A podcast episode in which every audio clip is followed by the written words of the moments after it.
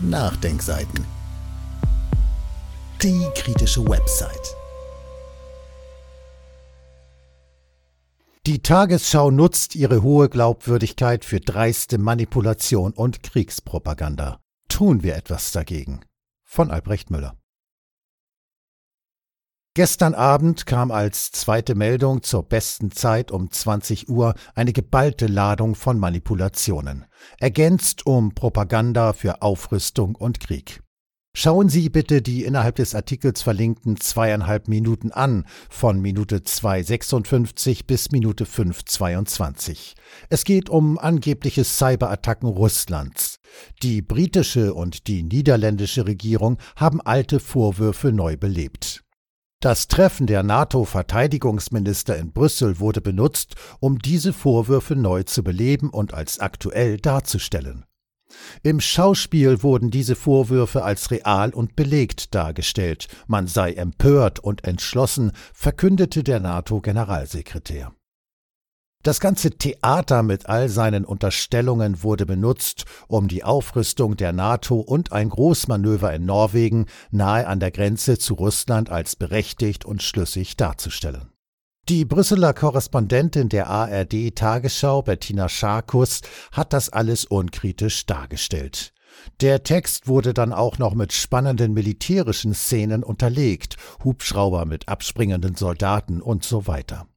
Ich gehe davon aus, dass die Mitarbeiter der Tagesschau, die so etwas veranlassen und die es von Brüssel aus betreiben, zwar von uns Rundfunkgebührenzahlern bezahlt werden, aber in anderen Diensten stehen. Innerhalb des Artikels verlinkt ist übrigens noch eine Textmeldung der Tagesschau mit dem gleichen Inhalt und den gleichen Methoden. Zitat Cyberattacken.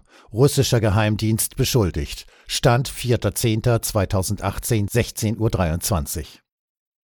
Auch der Bundestag soll Ziel gewesen sein. Großbritannien und andere Regierungen werfen dem russischen Geheimdienst GRU vor, hinter Cyberattacken zu stecken. Man prüfe weitere Sanktionen, heißt es aus London.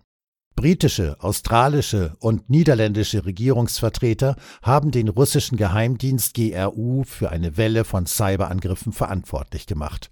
Der Militärgeheimdienst habe wahllose und rücksichtslose Attacken auf politische Institutionen, Unternehmen, Medien und Sportvereine verübt, teilte der britische Außenminister Jeremy Hunt mit. Er halte weitere Strafmaßnahmen gegen Russland für möglich. Wir werden mit unseren Verbündeten diskutieren, welche weiteren Maßnahmen ergriffen werden sollten, sagte Hunt. Zitat Ende. Die Methode ist immer die gleiche, wie auch schon bei den Giftanschlägen. Regierungen, wie die britische, behaupten die Existenz eines Anschlags, sie erklären Russland für schuldig. Zur Stütze ihrer Glaubwürdigkeit äußern sich befreundete Regierungen, wie im konkreten Fall die Niederlande und Australien, ähnlich. Die Behauptungen stellt man kurz vor einer Konferenz auf, wie im konkreten Fall im Zusammenhang mit der Konferenz der NATO-Verteidigungsminister und macht dort dann ein Verstärkungsschauspiel.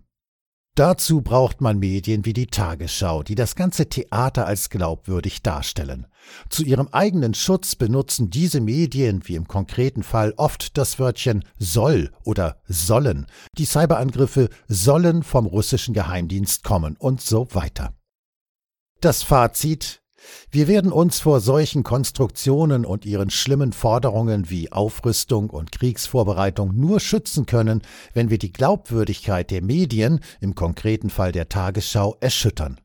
Daher die Anregung, einen solchen Vorgang wie die Tagesschau vom 4. Oktober um 20 Uhr zu nutzen, um möglichst viele Menschen aus ihrem Bekannten- und Freundeskreis auf diese Manipulationen aufmerksam zu machen. Dieses Audio konnte nur entstehen, weil zahlreiche Leser und Leserinnen die Nachdenkseiten fördern und durch Spenden unterstützen. Wenn Sie auch etwas tun wollen, klicken Sie einfach den entsprechenden Button auf unserer Website an.